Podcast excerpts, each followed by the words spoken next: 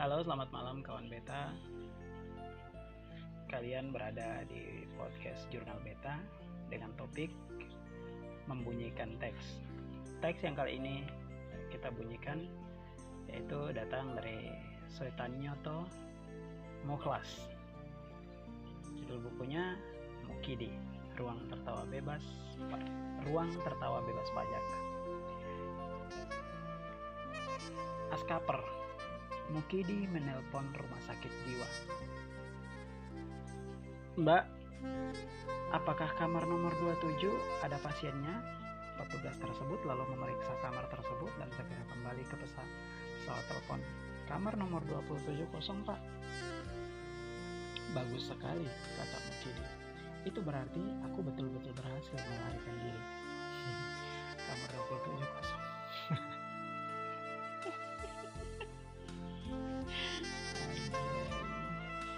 Sarmili no choice. No choice.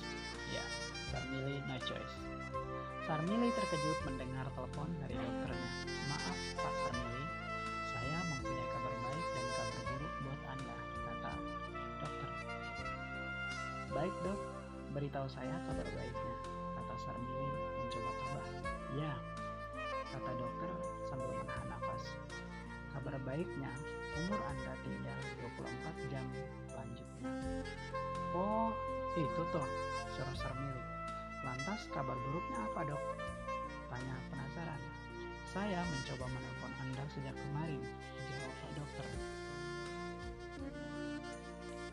Saya saya menelpon Anda sejak kemarin. Berarti selepas dari telepon mati dong. Mukidi Ghost Seorang profesor psikiatri sedang berbicara di hadapan orang-orang yang pernah berurusan dengan hal-hal supernatural. Apakah ada di antara Anda yang pernah melihat hantu? Tanya Pak Profesor. Semua orang mengangkat tangan. Ada yang pernah bicara dengan hantu?